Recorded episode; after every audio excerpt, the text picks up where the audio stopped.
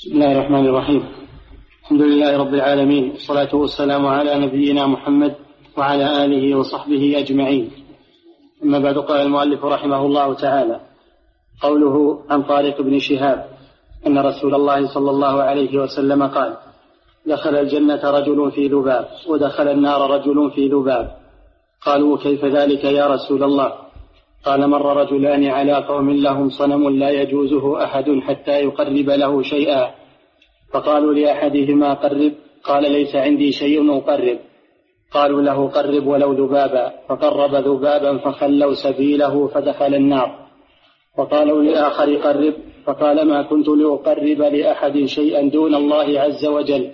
فضربوا عنقه فدخل الجنة. رواه أحمد. قوله عن طارق الرحمن الرحيم. الحمد لله والصلاة والسلام على رسول الله. ما زلنا في باب الذبح غير الله. قد سبق أول الكلام في هذا الباب. والآن نواصل بقية الباب. أورد الشيخ رحمه الله هذا الحديث الذي فيه أن من قرب يعني ذبح لغير الله شيئا دخل النار. ولو كان هذا الشيء حقيرا.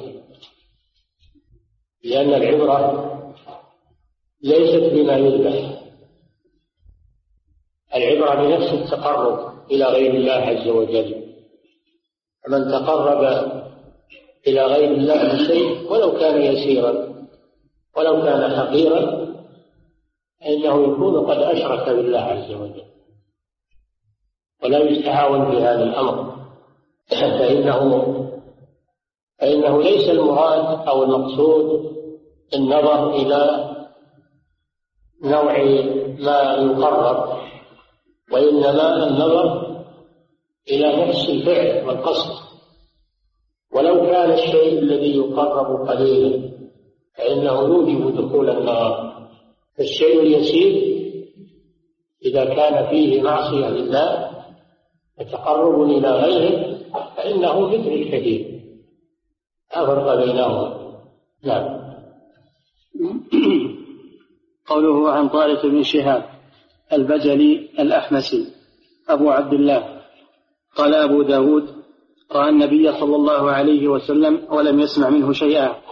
بصغر سنه أو لأنه لم يجتمع بالنبي صلى الله عليه وسلم اجتماعا كثيرا. وإنما رآه وآمن به ولم يجلس إليه. لأن الصحبة تجلب لأن الصحبة تحصل بالرؤية برؤية النبي صلى الله عليه وسلم مع الإيمان به. نعم. قال الحافظ إذا ثبت أنه لقي النبي صلى الله عليه وسلم فهو صحابي. إذا ثبت أنه لقي النبي صلى الله عليه وسلم مؤمنا به في حالة لقائه فإنه يكون صحابيا. لأن تعريف الصحابي من لقي النبي صلى الله عليه وسلم مؤمنا به ومات على ذلك. هذا هو الصحابة. نعم. قال الحافظ إذا ثبت أنه لقي النبي صلى الله عليه وسلم فهو صحابي وإذا ثبت أنه لم يسمع منه شيئا فروايته عنه مرسل صحابي وهو مقبول على الراجح. مرسل الصحابي مقبول على الراجح عند المحدثين لأن الصحابي لا يرسل إلا عن صحابي مثله. الصحابة كلهم عدول. الصحابة كلهم عدول. والجهالة إنما تضر في غير الصحابة. جهالة الراوي إنما تضر في غير الصحابة. أما إذا كان الراوي من الصحابة وهو مجهول لم يعرف اسمه هذا لا يضر نعم. وكانت وفاته على ما جزم به ابن حبان سنة ثلاث وثمانين. قال ابن القيم رحمه الله تعالى. قال الإمام أحمد رحمه الله تعالى حدثنا أبو معاوية حدثنا الأعمش عن سليمان بن ميسرة عن طارق بن شهاب يرفعه. قال دخل الجنة رجل في ذباب الحديث. قوله في ذباب أي من أجله. السبب يعني. في ذباب الباء سببه في سبب ذباب. نعم. قوله قالوا وكيف ذلك يا رسول الله؟ لأن هذا محل عجب يعني. كيف دخل النار في ذباب؟ نعم قالوا وكيف ذلك يا رسول الله؟ كأنهم والله أعلم فقالوا هذا العمل وهو تقريب الذباب للصنم. فبين لهم النبي فبين لهم النبي صلى الله عليه وسلم أن من فعل هذا وما هو أعظم منه وجبت له النار. لأن العبرة بالتقرب إلى غير الله وليست العبرة بما يقرب قلة أو كثرة نعم. قوله مر رجلان على قوم لهم صنم لا يجوزه أحد حتى يقرب له شيئا. فقالوا لأحدهما قرب فقال ليس عندي شيء أقرب. قالوا له قرب ولو ذبابا فقرب ذبابا فخلوا سبيله فدخل النار.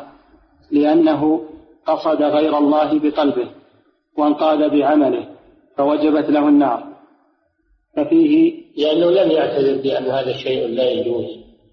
قال ليس عنده شيء. اعتذر بالعدم نعم. ففيه معنى حديث مسلم الذي تقدم في باب الخوف من الشرك عن جابر مرفوعا من لقي الله لا يشرك به شيئا دخل الجنة ومن لقيه يشرك به شيئا دخل النار. يشرك به شيئا. وشيئا نكرة في سياق الشرط تعم كل شيء قليلا كان أو كثيرا. وهذا في القرآن. هذا من القرآن. واعبدوا الله ولا تشركوا به شيئا. يعني أي شيء. نعم. فإذا كان هذا لمن قرب للصنم ذبابا فكيف بمن يستسمن الإبل والبقر والغنم ليتقرب بنحرها وذبحها لمن كان يعبده من دون الله؟ إذا كان هذا في من ذبح الذباب للصنم كيف بالذي يختار الإبل السمينة؟ والأبقار والأغنام السمينة ويذبحها للقبور وللأصنام تقربا إليها. هذا أشد والعياذ بالله كما يحصل عند القبور الآن. نعم. ليتقرب بنحرها وذبحها لمن كان يعبده من دون الله من ميت أو غائب أو طاغوت أو مشهد من ميت يعني صاحب قبر أو غائب من الجن. الغائب لا من الجن يذبح للجن من أجل أو للشياطين من أجل أن يحصل له مقصوده. فهذا يكون مشركا بالله عز وجل مستحقا لدخول النار. نعم. أو طاغوت أو مشهد. أو طاغوت من الطواغيت. الطاغوت مأخوذ من الطغيان وهو مجاوزة الحد. والمراد ومن الطواغيت من دعا إلى عبادة نفسه والذبح له والنذر له مثل ما يفعله الطواغيت الذين ينسون بأن يذبح لهم ويتقرب إليهم وأن يستغاث بهم. نعم. أو مشهد. وكل من من عبد من دون الله وهو راض وهو راض بالعبادة له فإنه طاغوت. أما الذي يعبد من دون الله وهو لم يرضى بذلك وينهى عنه مثل الأنبياء والأولياء والصالحين الذين ينكرون الشرك لكن لما ماتوا عبدوهم من دون الله. هؤلاء لا يسمون طواغيت في أنفسهم مثل عيسى عليه السلام ومثل الأولياء والصالحين. لكن الشيطان هو الذي أمرهم بذلك فهم يعبدون الطاغوت يعني الشيطان هو الذي دعاهم إلى عبادة غير الله عز وجل. نعم. أو طاغوت أو مشهد أو مشهد وهو القبر. المشهد هو القبر المبني عليه. مثل مشهد الحسين ومشهد مشهد الحسين بكربلاء ومشهد البدوي في طنطا في مصر مشاهد المبنية على القبور. نعم. أو شجر أو حجر أو غير ذلك. أو يذبح لشجرة يتبرك عندها كالذبح اللات والعزى ومنات نعم. أو شجر أو حجر أو غير ذلك. وكان هؤلاء المشركون في أواخر هذه الأمة يعدون ذلك أفضل من الأضحية في وقتها الذي شرعت فيه. هؤلاء يتقربون إلى القبور وإلى الأضرحة ويعتبرون ذلك أفضل من الذبح لله. أفضل من ذبح الأضحية التي هي نسك وأفضل من ذبح العقيقة للمولود. يعتبرون الذبح للقبر أفضل من الذبح المشروع الذي يتقرب به إلى الله عز وجل. نعم. وربما اكتفى بعضهم بذلك عن أن يضحي لشدة رغبته وتعظيمه ورجائه لمن كان يعبده من دون الله. ربما بعضهم لا يضحي ويكتفي بالذبح للقبر. يقول هذا يكفي. نعم. وقد عمت البلوى بم... وقد عمت البلوى بهذا وما هو أعظم منه. قوله؟ يعني في في آخر في آخر الأمة بعد القرون المفضلة كثر هذا في الناس كثر هذا في الناس الذبح للقبور. اعتبروه هو الدين. وأن الذي لا يذبح للقبور يعتبرون هذا جافي و ومتنقص للأولياء الصالحين. يعتبرون خارج عن الدين. يسمونهم بالخوارج يسمون الموحدين بالخوارج. لماذا؟ لأنهم خرجوا عن دين المشركين. نعم. قوله وقالوا للآخر وقالوا للآخر قرب. قال ما كنت لأقرب لأحد شيئا دون الله عز وجل. والفرق بين الجوابين. هذا قال ما كنت لأقرب. ما اعتبر قال ما عندي شيء.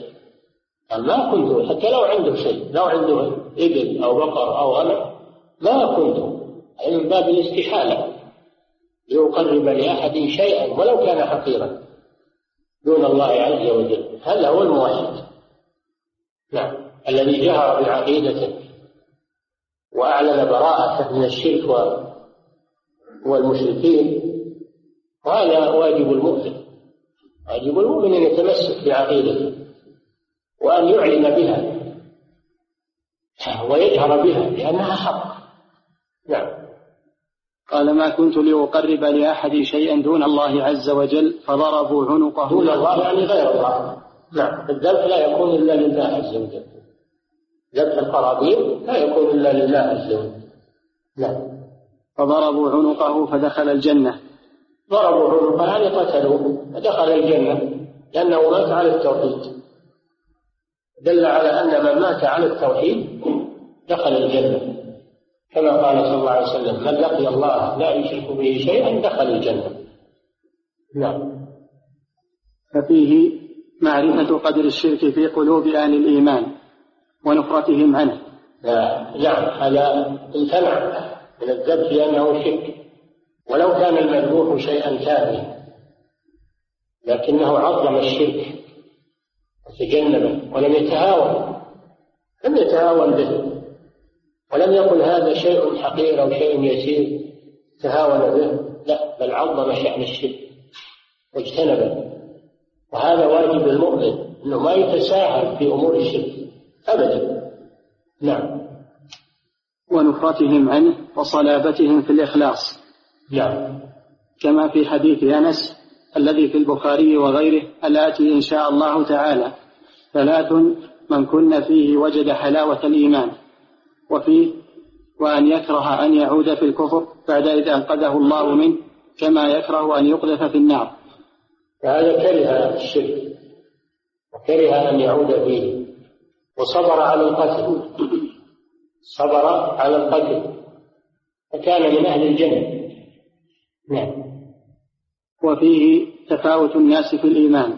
نعم. تفاوت الناس في الإيمان. هذا حمله إيمانه ويقينه على الامتناع من الشرك وعلى الصبر على القتل.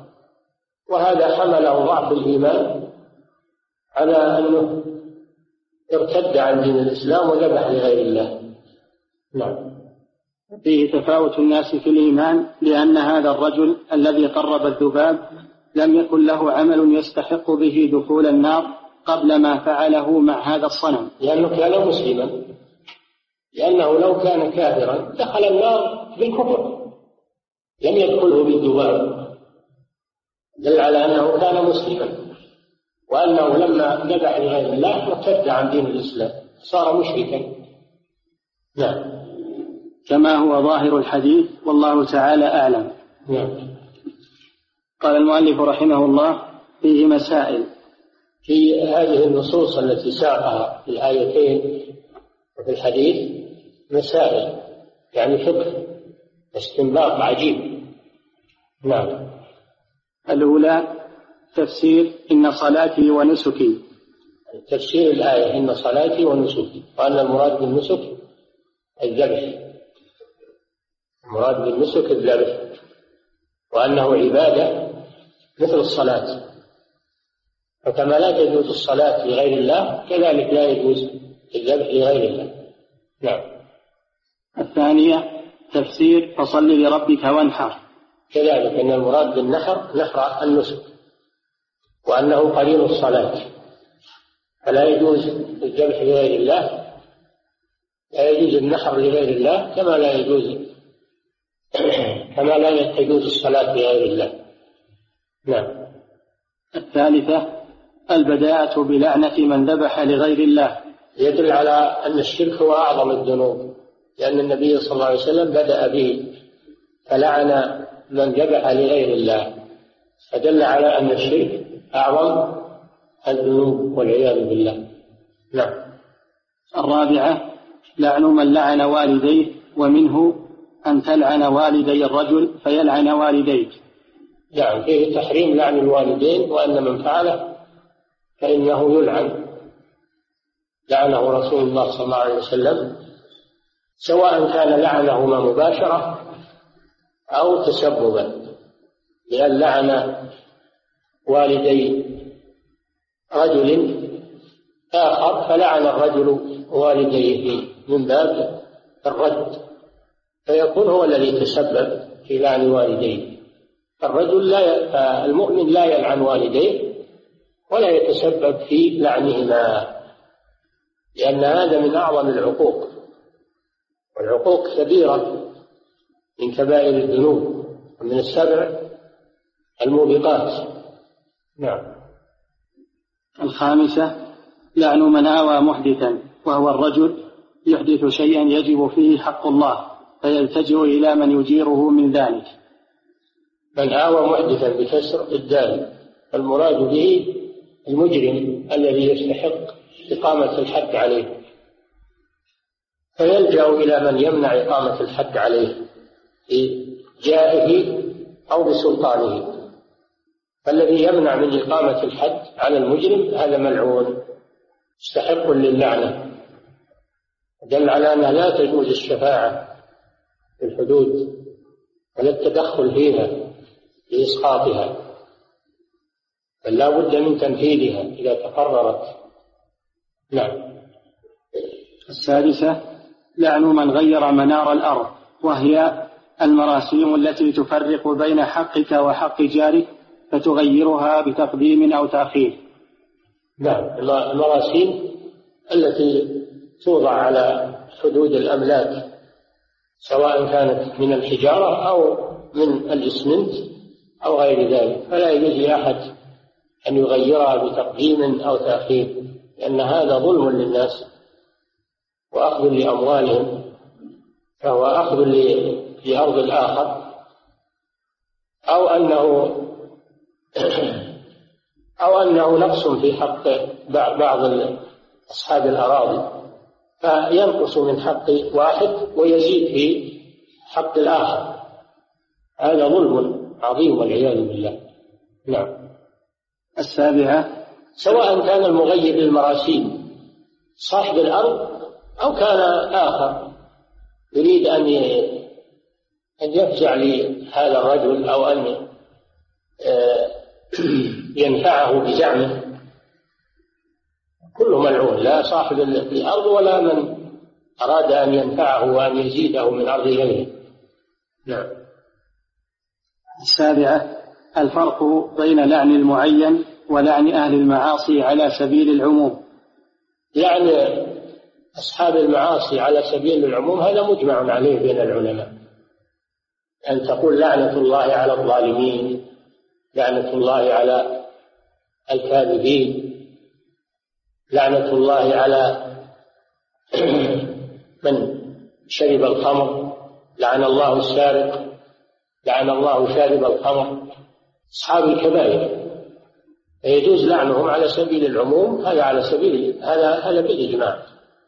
أما لعن الشخص المعين فهذا فيه خلاف قوي بين أهل العلم. فمنهم من أجاز لعن المعين ومنهم من منع من ذلك لأنه لا يدرى عن خاتمته لعله يتوب. إلا من لعنه رسول الله صلى الله عليه وسلم معينا لعنه الرسول فيلعن كما لعنه النبي صلى الله عليه وسلم. نعم. الثامنة هذه القصة العظيمة وهي قصة الذباب. نعم. التاسعة هذه القصة عجيبة وعظيمة وهي أن وهي أن ذبح الذباب تقربا. إلى الصنم أوجب دخول النار وعدم ذبحه وعدم ذبحه أوجب دخول الجنة. هذا من العجائب الذي يدل على عظمة التوحيد وعظمة وهو خطورة خطورة الشرك بالله عز وجل. وأن الإنسان لا يتهاون في أمور الشرك. نعم. التاسعة كونه دخل النار بسبب ذلك الذباب الذي لم يقصده بل فعله تخلصا من شرهم. آه نعم. دخل النار بذبح الذباب. الرسول صلى الله عليه وسلم رتب دخوله النار على ذبح الذباب. ولم يقل إنه قصد ذلك بقلبه بل رتب الحكم على الفعل. يدل على أنه لا يجوز الذبح لغير الله سواء قصد أو لم يقصد.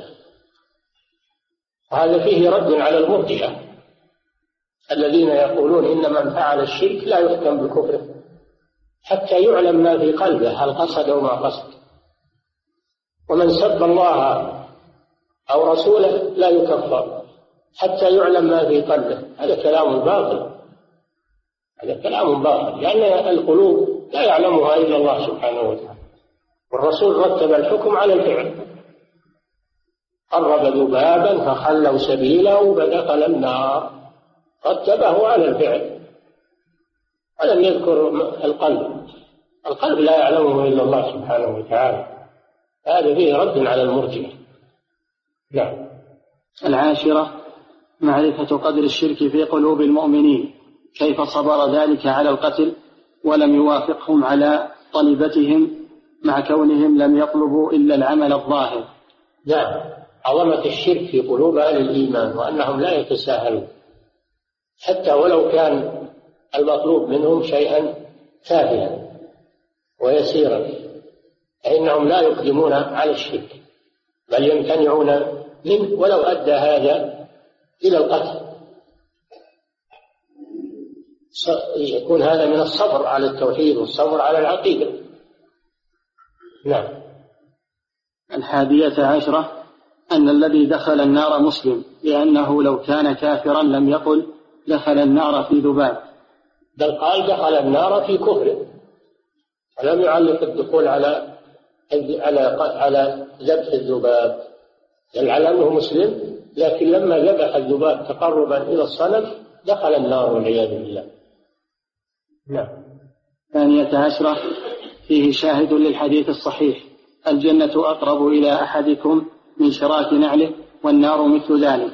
فلا يقول الإنسان أنا توي صغير وتوي شاب والموت بعيد والأجل طويل أنه لا يدري في أي لحظة يموت. شابا كان أو أو كبيرا. صحيحا كان أو مريضا لا يدري. فالنار قريبة منه والجنة قريبة منه لأنه لا يدري عن أجله وربما يكون أجله أقرب شيء إليه وهو لا يدري. فلا الإنسان يأخذه طول الأمل ويسوف في العمل الصالح وإذا كان مسيئا يؤخر التوبة هذا لا يجوز.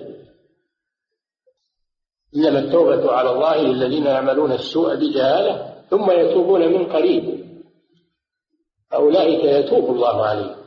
أما الذي يؤخر التوبة هذا إلى إلى وقت ربما لا يدرك هذا الوقت. لو يقول بأخر التوبة إلى مسيان إلى آخر النهار ربما أنه ما يدرك آخر النهار. أو إلى الظهر ربما أنه ما ما يدرك الظهر. كيف اللي يقول بتوب بعد 100 سنة بعد 20 سنة بعد؟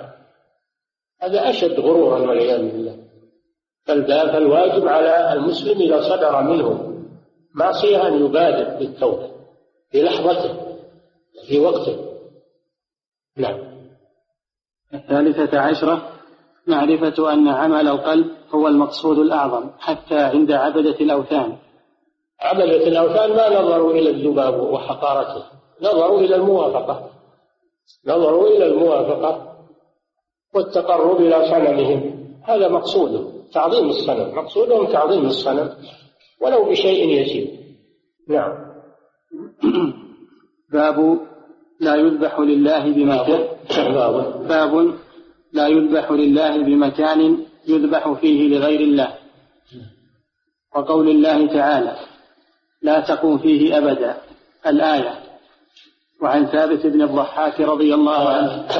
هذا الباب تابع للباب الذي قبله. الباب الذي قبله الذبح لغير الله. وهذا الباب في الذبح لله لكنه في مكان كان يذبح فيه لغير الله. هذا ممنوع لأنه من باب سد الذرائع. من باب سد الذرائع. فهو تابع لما قبله. فلا يجوز الذبح لله لغير الله ولا يجوز الذبح لله في مكان يذبح فيه لغير الله لأن هذا من وسائل الشرك. والنبي صلى الله عليه وسلم جاء بسد الطرق والوسائل التي تفضي إلى الشرك فنهى عن الذبح لله في مكان يذبح فيه لغيره.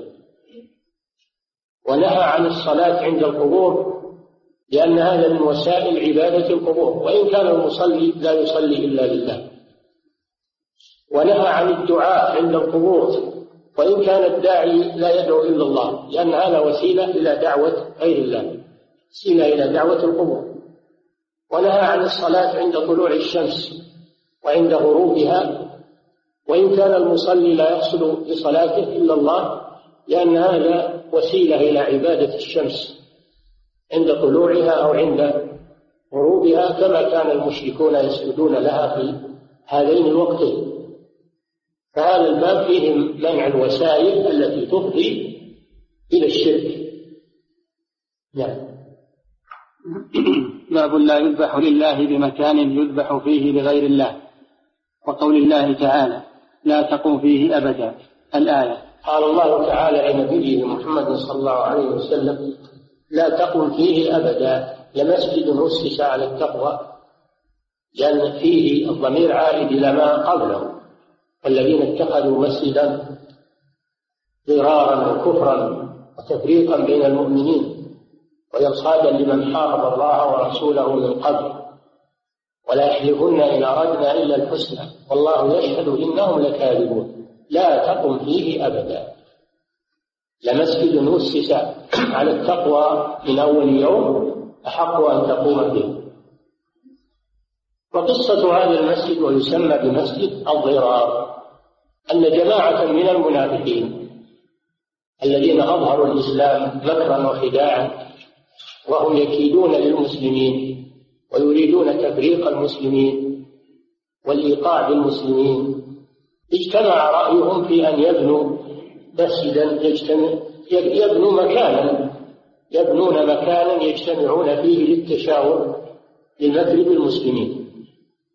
وسموه مسجدا من باب الخداع. من باب الخداع ولئلا ينكر عليهم ذلك. ولأجل الإضرار بمسجد قباء ليصرف الناس عن مسجد قباء الذي هو أول مسجد أسس على التقوى. أرادوا المضارة بأهل مسجد قباء الذين بنوا مسجد قباء على التقوى وأسسوه على التقوى والإخلاص لله عز وجل. فهم قصدوا مقصدين خبيثين. المقصد الأول أرادوا بناء مجمع يجتمعون فيه للتشاور للمكر بالمسلمين المقصد الثاني أرادوا أن يصرفوا الناس عن مسجد قباء الذي أسس على التقوى. فلذلك سمي بمسجد الضرار لأنه يريدون المضارة بالصحابة الذين يصلون في مسجد قباء. ثم لما أنهوا البناء بقصد هذا الخبث أرادوا التعمية والتغطية على فعلهم هذا. فجاءوا إلى النبي صلى الله عليه وسلم. وأخبروه أنهم بنوا هذا المسجد من أجل الرفق بالمسلمين الذين لا يستطيعون الذهاب إلى مسجد قباء لضعفهم أو كبرهم أو في الليلة المطيرة أو الليلة الشاتية. هذا هذا قصدهم في الظاهر. وطلبوا من النبي صلى الله عليه وسلم أن يصلي فيه. لأن النبي صلى الله عليه وسلم إذا صلى به أقره. أقره و لا يستنكره أحد لأن النبي صلى الله عليه وسلم صلى به هذا قصدهم. قصدهم ستر خزي خزيهم. والرسول صلى الله عليه وسلم لا يعلم الغيب. ولم يعلم عن قصدهم. هذا لا يعلمه إلا الله سبحانه وتعالى. فقال لهم النبي صلى الله عليه وسلم إننا سنخرج إلى إلى خير إلى إلى غزوة تبوك. غزوة تبوك كان يتجهز لغزوة تبوك لغزو الروم في تبوك من بلاد الشام. ولكن إذا إذا أتينا نصلي وعدهم صلى الله عليه وسلم. لأنه لا يعلم الغيب. وفي التأخير حكمة من الله سبحانه وتعالى. وعدهم بذلك. فلما قفل النبي صلى الله عليه وسلم من غزوة تبوك ولم يبقى على قدومه على المدينة إلا يوم أو أو وقت يسير أو وقت يسير. جاءه الخبر من الله عز وجل بواسطة جبريل فنزلت عليه الآية. والذين اتخذوا مسجدا إلى قوله تعالى لا تقم فيه يعني لا تصلي فيه أبدا. الرسول صلى الله عليه وسلم يصلي لله لكن لما كان المسجد لما كان هذا المكان مبنيا على نية فاسدة ومكر بالمسلمين نهاه الله عن الصلاة فيه. فدل على أنه لا يتقرب إلى الله في مكان المعصية ومكان الكفر. والشرك ومن ذلك الذبح. من ذلك الذبح. فلا يذبح لله في مكان يذبح به لغير الله عز وجل. هذا وجه الاستدلال بالآية الكريمة. لما منع النبي صلى الله عليه وسلم من الصلاة في هذا المسجد الذي أسس للكفر والنفاق فلا أن يمنع الذبح في المكان الذي الذي هو مخصص للشرك إلا بأولى نعم. وعن ثابت بن الضحاك رضي الله عنه قال نذر رجل أن ينحر إبلا ببوان الدليل من القرآن عرفنا. الدليل من السنة هذا الحديث.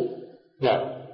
وعن وعن, وعن ثابت بن الضحاك رضي الله عنه قال نذر رجل أن ينحر إبلا ببوانة فسأل النبي صلى الله عليه وسلم فقال هل كان فيها وثن من أوثان الجاهلية يعبد؟ قالوا لا. قال فهل كان فيها عيد من أعيادهم؟ قالوا لا. فقال رسول الله صلى الله عليه وسلم أوف بنذرك فإنه لا وفاء لنذر في معصية الله ولا فيما لا يملك ابن آدم. رواه أبو داود وإسناده على شرطهما. نعم. جاء رجل نحر نذر رجل النذر هو التزام العبادة. النذر هو في اللغة الالتزام التزام الشيء. يقال نذره إذا التزم به. نذرت دم فلان إذا ألزم نفسه بقتله. النذر في اللغة هو الالتزام. وأما النذر في الشرع فهو التزام عبادة لم تكن واجبة في أصل الشرع مثل الصدقة مثل الصلاة الصيام الحج العمرة.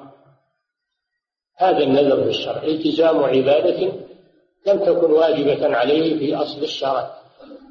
نذر رجل أن ينحر أن يذبح إبلا ببوال اسم موضع بين مكة والمدينة.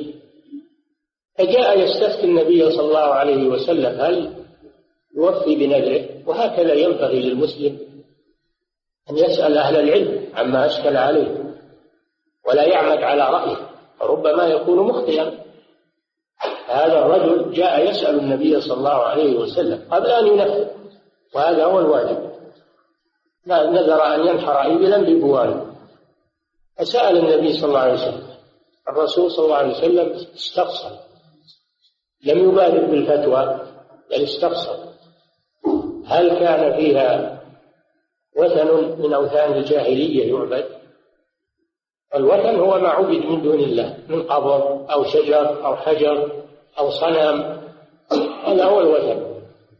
وأما الصنم فإنه خاص بما كان على صورة إنسان أو حيوان هذا الصنم.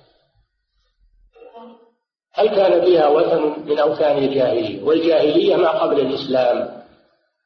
الجاهلية ما قبل الإسلام. هذه هي الجاهلية. وهذه الجاهلية انتهت ببعثة النبي صلى الله عليه وسلم. منسوبة إلى الجهل وهو عدم العلم. فلما بعث النبي صلى الله عليه وسلم انتهت الجاهلية العامة. وقد يبقى منها شيء في بعض الناس. أو في بعض القبائل لكن الجاهلية العامة ولله الحمد انتهت ببعثة النبي صلى الله عليه وسلم. فلا يجوز أن يقال الناس في جاهلية أو هذا وقت الجاهلية ما يجوز. لكن أن يقال فلان فيه جاهلية أو أهل البلد الفلاني عندهم شيء من الجاهلية نعم هذا يقع. أما أن يقال الناس في جاهلية وهذا الوقت وقت الجاهلية أو بعضهم يبالغ ويقول هذا في جاهلية أشد من الجاهلية الأولى هذا كلام باطل لأنه ليس بعد بعثة النبي صلى الله عليه وسلم جاهلية عامة هل كان فيها وثن من أوثان الجاهلية يعبد؟ قالوا لا قال هل كان فيها عيد من أعيادهم؟ والعيد اسم لما يتكرر ويعود في الأسبوع أو في الشهر أو في السنة أو بعد مئة عام أو بعد ألف عام. كل ما يعود ويتكرر يسمى عيدا سواء كان عيدا شرعيا أو عيدا جاهليا. العيد الشرعي الذي يتكرر عيد الفطر وعيد الأضحى هذا شرعي. يتكرر سنويا. الجمعة تتكرر وهي عيد الأسبوع عيد شرعي. والعيد المكاني هو المكان الذي يجتمع فيه الناس للعبادة في وقت محدد مثل الاجتماع في منى وعرفة في موسم الحج والاجتماع في المسجد الحرام للصلاة والعبادة. هذه أعياد مكانية شرعية أعياد مكانية شرعية.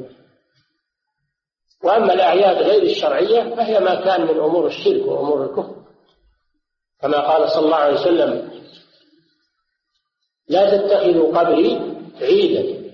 يعني مكانا للعبادة تجتمعون عنده. لأنه لا تجوز العبادة عند القبور لا قبر النبي صلى الله عليه وسلم ولا غيره. لأن هذا وسيلة للشرك بالله عز وجل. فلا تجوز العبادة عند القبور بصلاة بدعاء بذكر. لا قبر النبي صلى الله عليه وسلم ولا قبر غيره.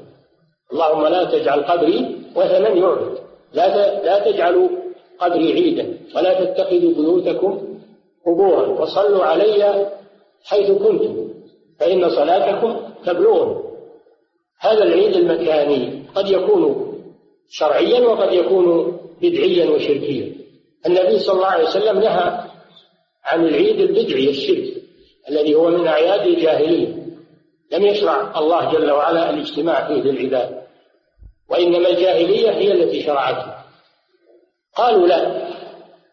فلما اتضح وتبين أنه لا محذور في هذا المكان ليس فيه وثن وليس هو من أعياد الجاهلية قال صلى الله عليه وسلم أوف بنذرك للخلو من المحلوم فهذا فيه دليل على أن المفتي يتثبت قبل أن يصدر الفتوى ولا يتعجل ويستفصل من السائل. النبي صلى الله عليه وسلم استفصل المفتي لا يستعجل بالفتوى حتى يستفصل من السائل لتبين مقصد السائل ثم يصدر الفتوى. أما إذا استعجل فحري أن يجيب بجواب خط وتتخذ فتواه تتخذ فتواه فتح فتحا لباب الشر. والعياذ بالله. ولو لم يقصد هو. زلة عالم زلة العالم أشد على الناس من من غيرهم لأنها تتخذ لا ينبغي للعالم أن يستعجل لئلا يزل والعياذ بالله حتى ولو لم يقصد. فكيف إذا قصد الخطأ وقصد الشر بالناس وقصد الهوى؟ هذا أشد. فالفتوى خطرها عظيم. هذه الفتوى أمر سهل وأمر مباح كل يفتي وكل يتكلم وكل هذه من المصائب التي إذا تسجل فيها ظهر الشر في الأمة. أمر الفتوى. لا بد من الانضباط. لا بد من التحري والتدقيق في أمر الفتوى. ولهذا يقول الإمام ابن الجوزي رحمه الله يقول إن المفتي مثل الطبيب. فكما أن الطبيب لا يصرف الدواء إلا في محله ولا يزيد في الدواء عن القدر المطلوب لأنه إذا صرف الدواء في غير محله يقتل أو صرف دواء أكثر من الحاجة يقتل فكذلك المفتي تكون فتواه مثل الدواء. يضعها في محلها ويضعها في قدرها ولا يتوسع فيها. قال أوفي بنذرك هذا فيه دليل على وجوب الوفاء بالنذر. إذا كان نذر طاعة. ولهذا قال فإنه لا وفاء بنذر في معصية الله لأنه لو كان هذا المكان فيه وثن أو فيه عيد من أعياد الكفار صار معصية لله عز وجل ولا يجوز الوفاء به. أما لما كان خاليا من ذلك صار نذر طاعة لأن أصل الذبح عبادة لله عز وجل فهو طاعة. فإنه لا وفاء لنذر في معصية الله. ولا فيما لا يملكه ابن آدم. عبد فلان وأنت ما تملكه؟ هذا النذر لا ليس بصحيح. أنك ما تملك هذا النذر. أو نذرت التصدق بمبلغ أنت ما عندك منه شيء. فقير. هذا ما هو صحيح النذر. أنت لا تملك هذا الشيء. ولا فيما لا يملكه ابن آدم. الشاهد من هذا الحديث أن النبي صلى الله عليه وسلم منع من الذبح في مكان يذبح فيه لغير الله وإن كان الذابح لا يقصد إلا الله عز وجل لكن هذا فيه تشبه بالمشركين وفيه وسيلة من وسائل الشرك. نعم. قوله باب لا يذبح لله بمكان يذبح فيه لغير الله. أشار رحمه الله تعالى إلى ما كان الناس يفعلونه في نجد وغيرها. قبل دعوتهم إلى التوحيد. نعم. أشار. أشار رحمه الله تعالى إلى ما كان الناس يفعلونه في نجد وغيرها قبل دعوتهم إلى التوحيد. نعم. من ذبحهم للجن لطلب الشفاء منهم لمرضاهم كانوا في نجد يذبحون في الغيران وعند الأشجار وعند الأحجار يتعلقون بها يطلبون الشفاعة والمرأة تطلب الحمل وغير ذلك. حتى جاء الله بدعوة التوحيد. على يد المجدد الشيخ محمد بن عبد الوهاب فأزال الله عن المسلمين وعن بلاد المسلمين هذا الشرك بسبب الدعوة إلى الله عز وجل والصدق في الدعوة إلى الله. نعم. وهذا موروث جاهلي. الذبح للأشجار والأحجار والغيران هذا موروث من مواريث الجاهلية. نعم. من ذبحهم للجن لطلب الشفاء منهم لمرضاهم. أو يذبحون للجن من أجل الشفاء وهذا يفعله المشعوذون الآن. إذا ذهب إليهم المريض قالوا له اذبح. اذبح كذا ولا تسمي عليه الله. تقرب إلى الجن. وحتى لو قال بسم الله ما دام أنه يقصد التقرب إلى الجن أو شرك بالله عز وجل. ولو ذكر اسم الله عليه. لأن العبرة بالمقصد والنية ولو ذكر اسم الله عليه فهو شرك. نعم. ويتخذون للذبح لهم مكانا مخصوصا في دورهم. في دورهم أو في الغيران أو في عند الأشجار أو في الأمكنة حسب ما يخطط لهم شياطين الإنس والجن. المكان الفلاني إذا ذبحت فيه يحصل كذا أو إذا تمسحت به يحصل لك كذا وكذا أو أخذت من ترابه. نعم. فنفى الله سبحانه الشرك بهذه الدعوة الإسلامية. كما كما محاه قبل بدعوة الرسول صلى الله عليه وسلم. فهذه الدعوة تابعة لدعوة الرسول صلى الله عليه وسلم. وهي تجديد. أصل الدعوة دعوة الرسول صلى الله عليه وسلم. والعلماء يجددونها في كل وقت. يبعثهم الله مجددين. نعم. فلله الحمد على زوال الشرك والبدع والفساد بطلعة الداعي إلى توحيد رب العباد. الحمد لله هذه نعمة عظيمة على هذه البلاد. نسأل الله أن يديمها. ولكن الآن أعداء الإسلام يحاولون أن يزيلوا هذه الدعوة من هذه البلاد. فصاروا يكتبون ويحضرون ويلقون الشبه ويلقون يلقون أيضا الحجج الباطلة. ويزهدون في هذه الدعوة ويقولون الناس كلهم مسلمين. الناس كلهم مسلمين. ويقصدون بالناس عباد القبور والمبتدعة. هذا قصدهم. يريدون أن لا يكون هناك فرق بين أهل السنة والجماعة وبين الفرق الضالة أو القبورية أو الصوفية. كلهم يقولون مسلمون. وابن عبد الوهاب ما جاء بشيء بل هو ظلم الناس. واتهمهم بالكفر والشرك. يقولون هذا الآن ويكتبون. أو يقولون بحرية الرأي. حرية الرأي وحرية القول وكل يبدي ما عنده ولا يمنع أحد. حتى ما حتى ما ينكر الشرك. هذا رأي. يقولون هذا رأي. وهذه عقيدته. خلوه يجاهر به ويصرح به. هكذا يقولون الآن. ليقتلعوا هذه الدعوة المباركة. من أرض التوحيد ومنبع الرسالة. فإذا قلعت الدعوة من بلاد التوحيد ومن أرض الحرمين الشريفين فبقية العالم أمر سهل هم يريدون أن يقتلعوها من منبتها ومن الأصل. فإذا قلعت سهل بقية العالم. نعم.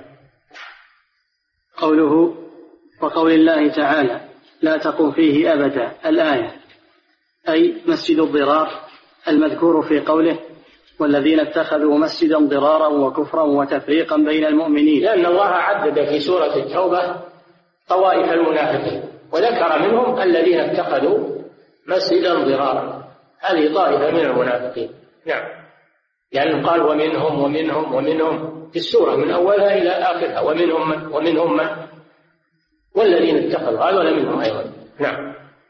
المذكور في قوله والذين اتخذوا مسجدا ضرارا وكفرا وتفريقا بين المؤمنين وإرصادا لمن حارب الله ورسوله من قبل. وهذا هو رجل يقال له أبو عامر من من الخزرج أو من من الخزرج من أهل المدينة. كان قد قرأ الكتب القديمة في الجاهلية وتنصر وأظهر التنسك وصاروا يطلقون عليه عامر العابد. فلما بعث النبي صلى الله عليه وسلم وهاجر إلى المدينة وظهر أمر الرسول صلى الله عليه وسلم بالمدينة حسدا وأراد الوقوف في وجه الدعوة. فلم يتمكن من ذلك فذهب إلى الشام يؤلف الكفار على الرسول صلى الله عليه وسلم. ثم كتب إلى المنافقين في المدينة يأمرهم بأن يبنوا مكانا للاجتماع والتشاور لأجل المكر بالمسلمين. إرصادا لمن حارب الله ورسوله وهو عامر الفاسق. سماه النبي صلى الله عليه وسلم الفاسق بدل العابد. نعم. ولا يحلفن إن أردنا إلا الحسنى. شوف يزيدون الأمر والعياذ بالله الحلف بالله وهم كاذبون. لأن يعني صفة المنافقين أنهم يحلفون ويحلفون على الكذب وهم يعلمون. من أجل أن يروجوا على الناس. فما كل من حلف يصدق قال جل وعلا ولا تطع كل حلاف مهين. نعم. والله يشهد إنهم لكاذبون. نعم. لا تقم فيه أبدا. لمسجد أسس على التقوى من أول يوم أحق أن تقوم فيه. وهو مسجد قباء. وهو مسجد قباء. وقيل مسجد الرسول صلى الله عليه وسلم. والصحيح أن أنه يعم المسجدين. كل منهما أسس على التقوى. فيقام في مسجد الرسول صلى الله عليه وسلم وهو أحد المساجد الثلاثة ويقام في مسجد قباء ويصلى فيه لأن النبي صلى الله عليه وسلم كان يخرج إليه ويصلي فيه عليه الصلاة والسلام راكبا وماشيا. نعم. وهو مسجد قباء. فقد أسس على التقوى من أول يوم قدم فيه النبي صلى الله عليه وسلم المدينة مهاجرا. نعم أول ما بني مسجد قباء لأنه في طريق الرسول صلى الله عليه وسلم. فالنبي صلى الله عليه وسلم قدم على أهله وصلى فيه. قالوا له مسجد بني الأشهل من الأنصار.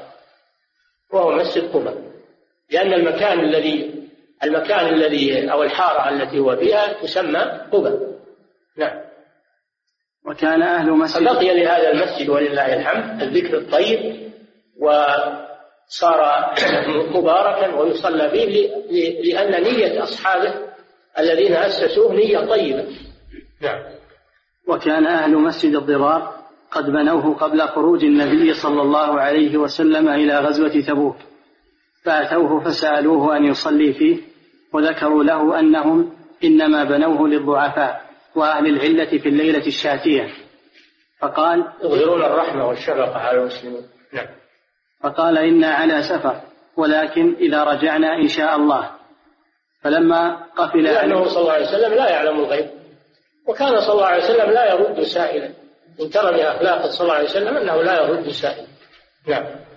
فلما قفل عليه الصلاة والسلام راجعا إلى المدينة ولم يبق بينه وبينها إلا يوم أو بعضه نزل الوحي بخبر المسجد. فبعث إليه وهدمه قبل قدومه إلى المدينة. صلوات النبي صلى الله عليه وسلم إلى مسجد الضرار من هدمه وأحرقه قبل قدومه إلى مسجد المدينة. فدل هذا على وجوب هدم مساجد الضرار. كل مسجد يتخذ للضرار يجب هدمه. نعم. فبعث إليه وهدمه قبل قدومه إلى المدينة صلوات الله وسلامه عليه وأنزل الله فيه هذه الآيات. ووجه مطابقة الآية للترجمة أن هذا المسجد لما أسس على معصية الله والكفر به صار محل غضب صار محل غضب. فنهى الله نبيه صلى الله عليه وسلم أن يقوم فيه لوجود العلة المانعة وخرج وخرج مخرج الخصوص والنهي عام. نعم نعم مخرج الخصوص والنهي عام عن كل مكان اتخذ للكفر والشرك بالله فلا يجوز للمسلم أن يتعبد لله فيه. وإن كانت نيته صالحة لأن هذا من وسائل الشرك ولأنهم يحتجون بهذا. يقولون صلى به فلان ويجوا يجوا يجيه العالم الفلاني يحتجون بهذا ويلبسون على الناس. نعم. والنهي عام وما كان مثله من الأمكنة مما أعد للمعصية وخص بفعلها فيه فإنه يعطى حكمه. كذلك هذا يشمل كل من بيت نية خبيثة وأظهرها بمظهر النية الطيبة عن المشروع من المشاريع. يظهر أنه في صالح المسلمين وهو للكيد بالإسلام والمسلمين. هذا لا يصدق ولا يساعد. لا يصدق ولا يساعد ولا يعان على على شر. نعم. ليس هذا خاصا بمسجد الضرار. بل هو يعم كل ما اتخذ مكرا وخداعا وحيلة للإضرار بالإسلام والمسلمين ولو كان ظاهره الخير. نعم. فإنه يعطى حكمه لأن المعصية صيرته محلا خبيثا وأثرت فيه بالنهي عن العبادة فيه. نعم. ويقابل ذلك المساجد فإن الله شرفها لما بنيت لطاعته والصلاة فيها جمعة وجماعة. وهي أشرف وهي أشرف بقاع الأرض. قال تعالى في بيوت أذن الله أن ترفع ويذكر فيها اسمه. ومن ومن المساجد الضرار والمحرمة المساجد المبنية على القبور. لا تجوز الصلاة فيها لأنها مثل مسجد مثل مسجد الضرار أو أعظم. فلا تجوز الصلاة فيها. ويجب هدمها إذا تمكن المسلمون من هدمها هدموها. نعم. قال تعالى في بيوت أذن الله أن ترفع ويذكر فيها اسمه يسبح له فيها بالغدو والآصال رجال. أذن يعني شرع وهي المساجد. شرع الله بناء المساجد للصلاة فيها ولذكر الله فيها. نعم. الآية. فما أحسن هذا القياس؟ ويأتي تقريره في الحديث. أحسن هذا القياس من الشيخ رحمه الله. حيث استدل بهذه الآية آية مسجد الضرار على الذبح لله في مكان يذبح فيه لغير الله. نعم هذا واضح. نعم. ويأتي تقريره في الحديث في الباب إن شاء الله تعالى. قوله عن ثابت بن الضحاك قال نذر رجل أن ينحر إبلا ببوانة فسأله النبي صلى الله عليه وسلم فقال هل كان فيها وثن من أوثان الجاهلية يعبد؟ قالوا لا. قال فهل كان فيها عيد من أعيادهم؟ قالوا لا. فقال رسول الله صلى الله عليه وسلم أوف بنذرك فإنه لا وفاء لنذر في معصية الله ولا فيما لا يملك ابن آدم. رواه أبو داود وإسناده على شرطهما. قوله عن ثابت بن على شرطهما يعني على شرط الشيخين قوله على شرط البخاري أو على شرط مسلم أو على شرط آه، الشيخين معناه أن الحديث ينطبق عليه. شرط البخاري أو شرط مسلم أو شرطهما جميعا لكن لم يخرجاه في الصحيحين أو في أحدهما. نعم. لأن هناك أحاديث ليست في الصحيحين ولا في أحدهما لكن ينطبق عليها الشرط من حيث الصحة صحة السند. نعم. قوله عن ثابت بن الضحاك أي ابن خليفة الأشهلي صحابي مشهور روى عنه أبو قلابة وغيره. قلابة. أبو قلابة وغيره. مات سنة أربع وستين. قوله ببوانة بضم الباء وقيل بفتحها. قال البغوي موضع في أسفل مكة دون يلملم. قال أبو السعادات هضبة من وراء ينبع.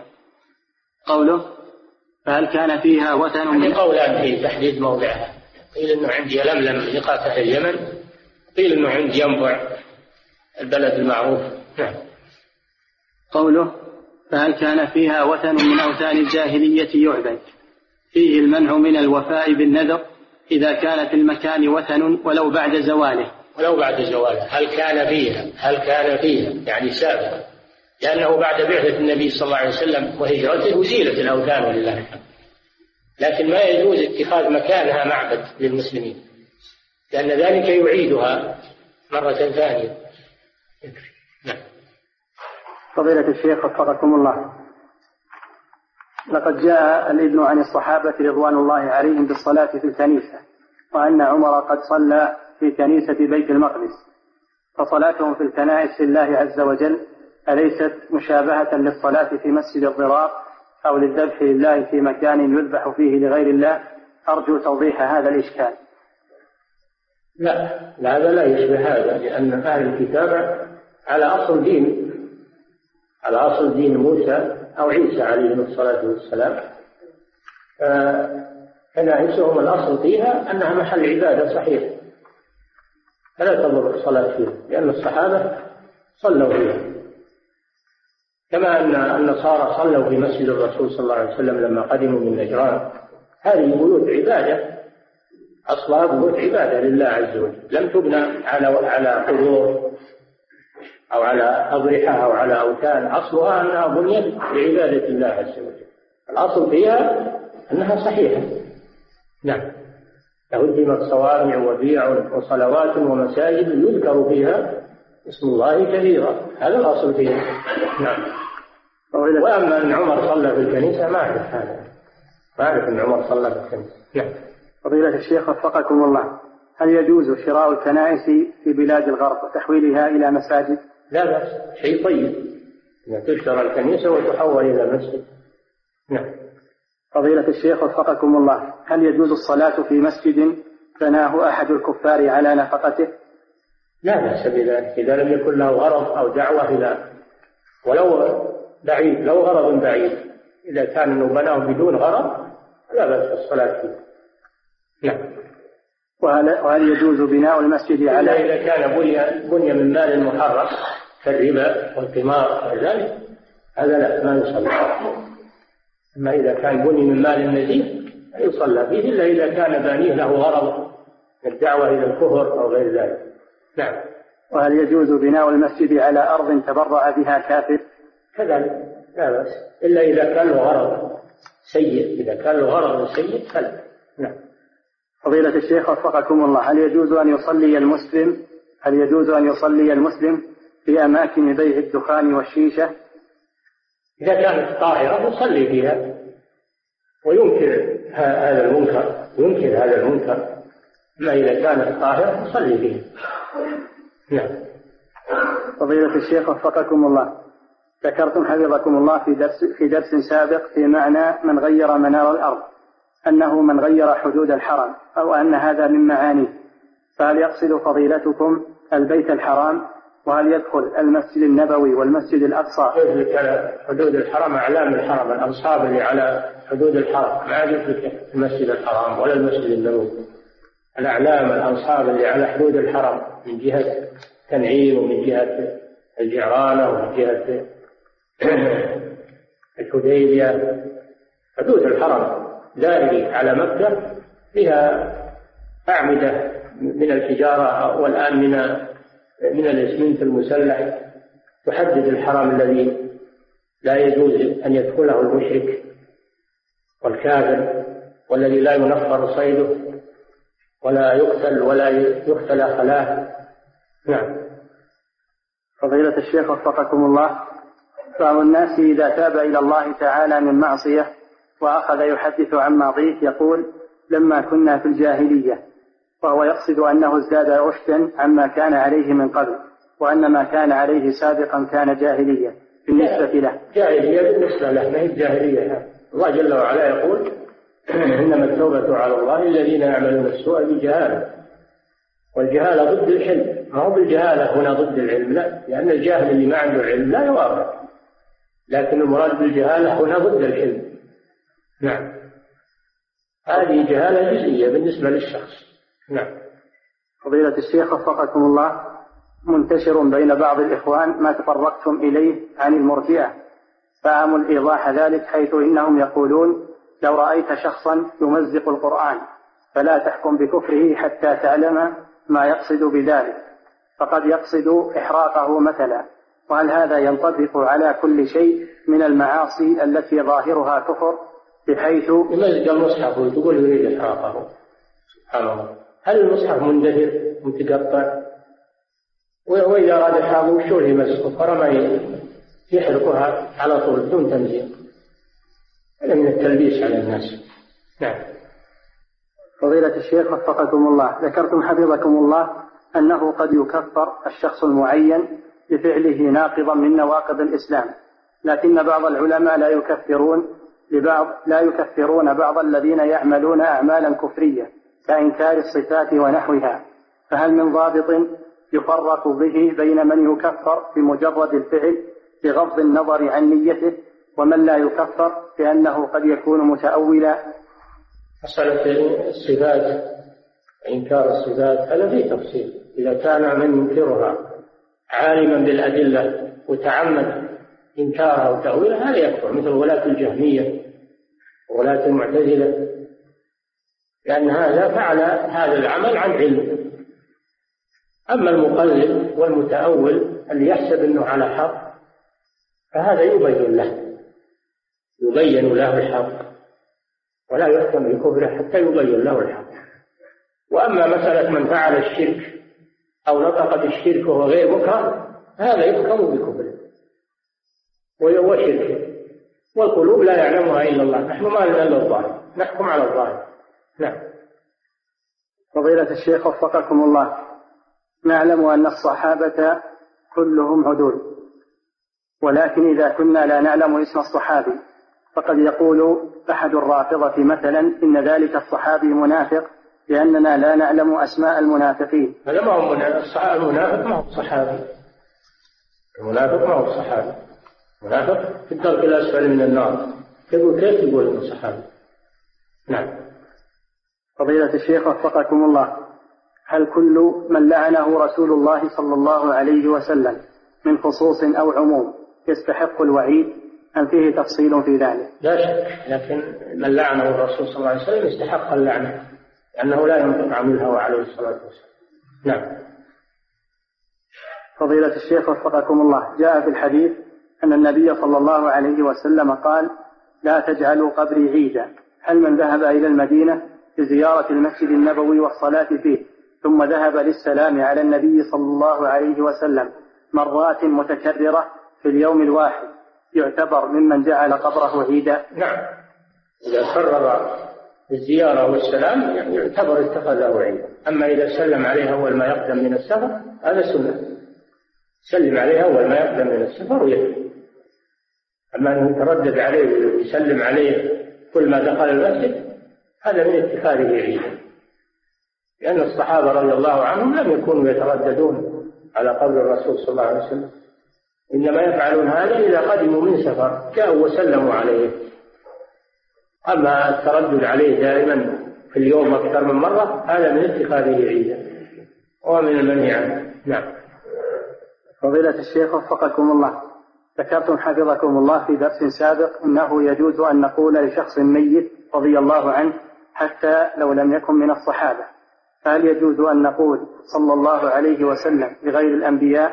لا سيما إن هذه تعتبر دعوة أيضا. لا بأس. لا بأس. ما لم يتخذ هذا شعارا على بعض الأشخاص. مثل قول الشيعة عن علي وأهل البيت عليهم السلام عليه السلام. هذا شعار صار لهم. فلا يجوز هذا تخصيص بعض الصحابة بهذا الشيء دون الآخرين. هذا لا يجوز. أما على صفة العموم ما في بأس.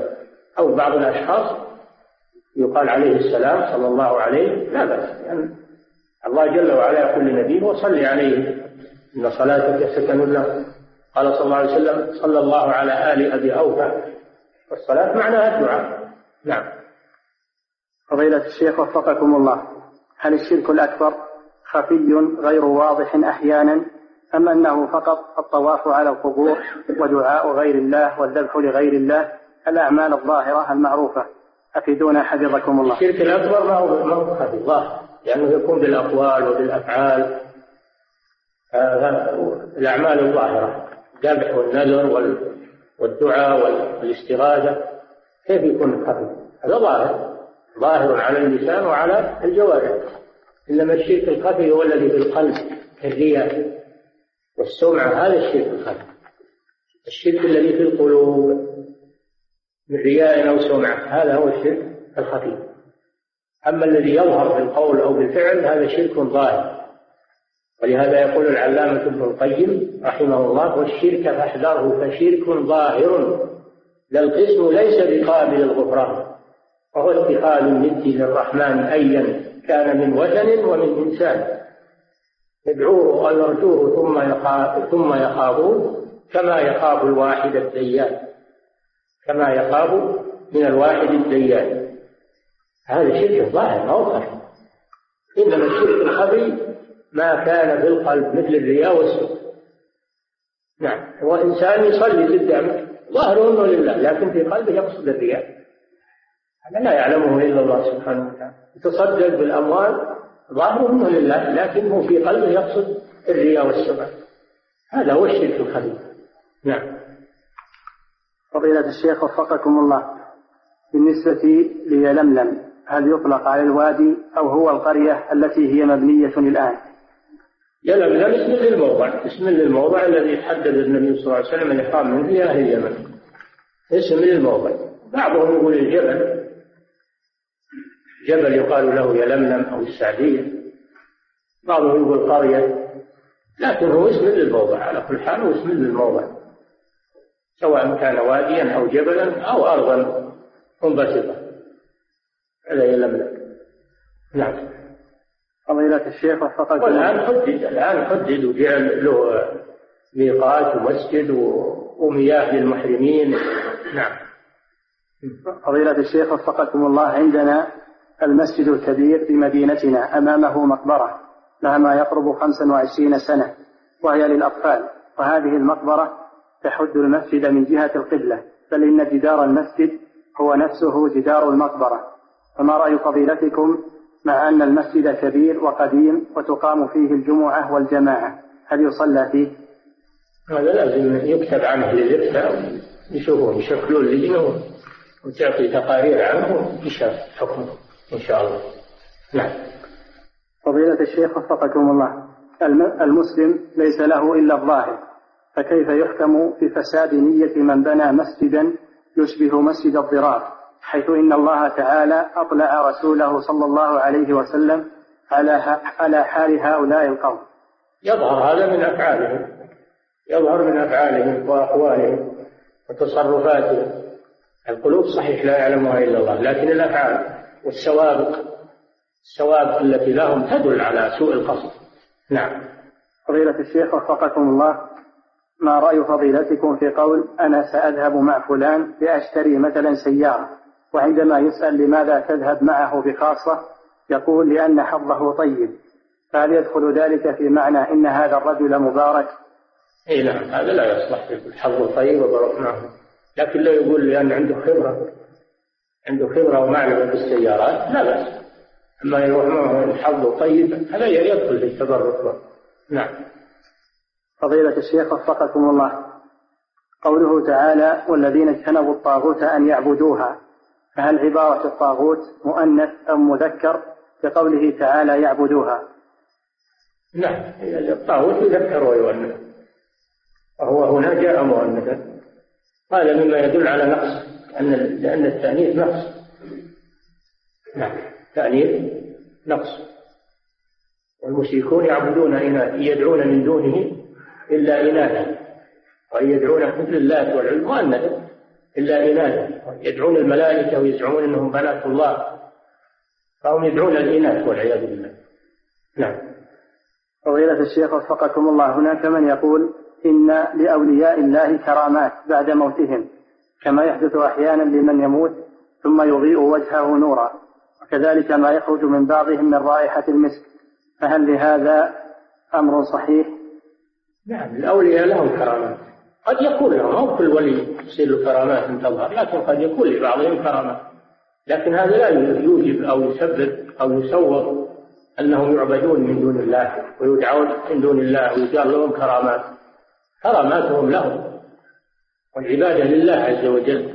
لا يجوز أن يستغاث بهم أو يستنجد بقبورهم ويقال هؤلاء لهم كرامات كما يفعله القبوريون. نعم.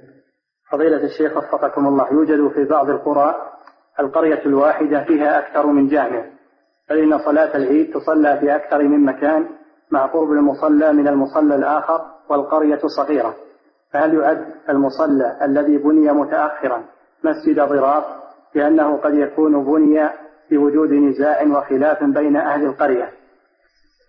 مسألة تأسيس المساجد ومصليات العيد هذه يرجع فيها إلى إلى القضاة وإلى دار الإفتاء فلا يفتح يعني صلاة جمعة في المسجد إلا بإذن. إذا كان هذا في المملكة هذا ما يفتح إلا بإذن. ولا ينظر في الأسباب والمسوغات فإن كانت وجيهة أذن لهم وإن كانت غير وجيهة منعوا من هذا. المسألة الحمد لله منضبطة. نعم. الله تعالى أعلم وصلى الله وسلم على نبينا محمد وعلى آله وصحبه.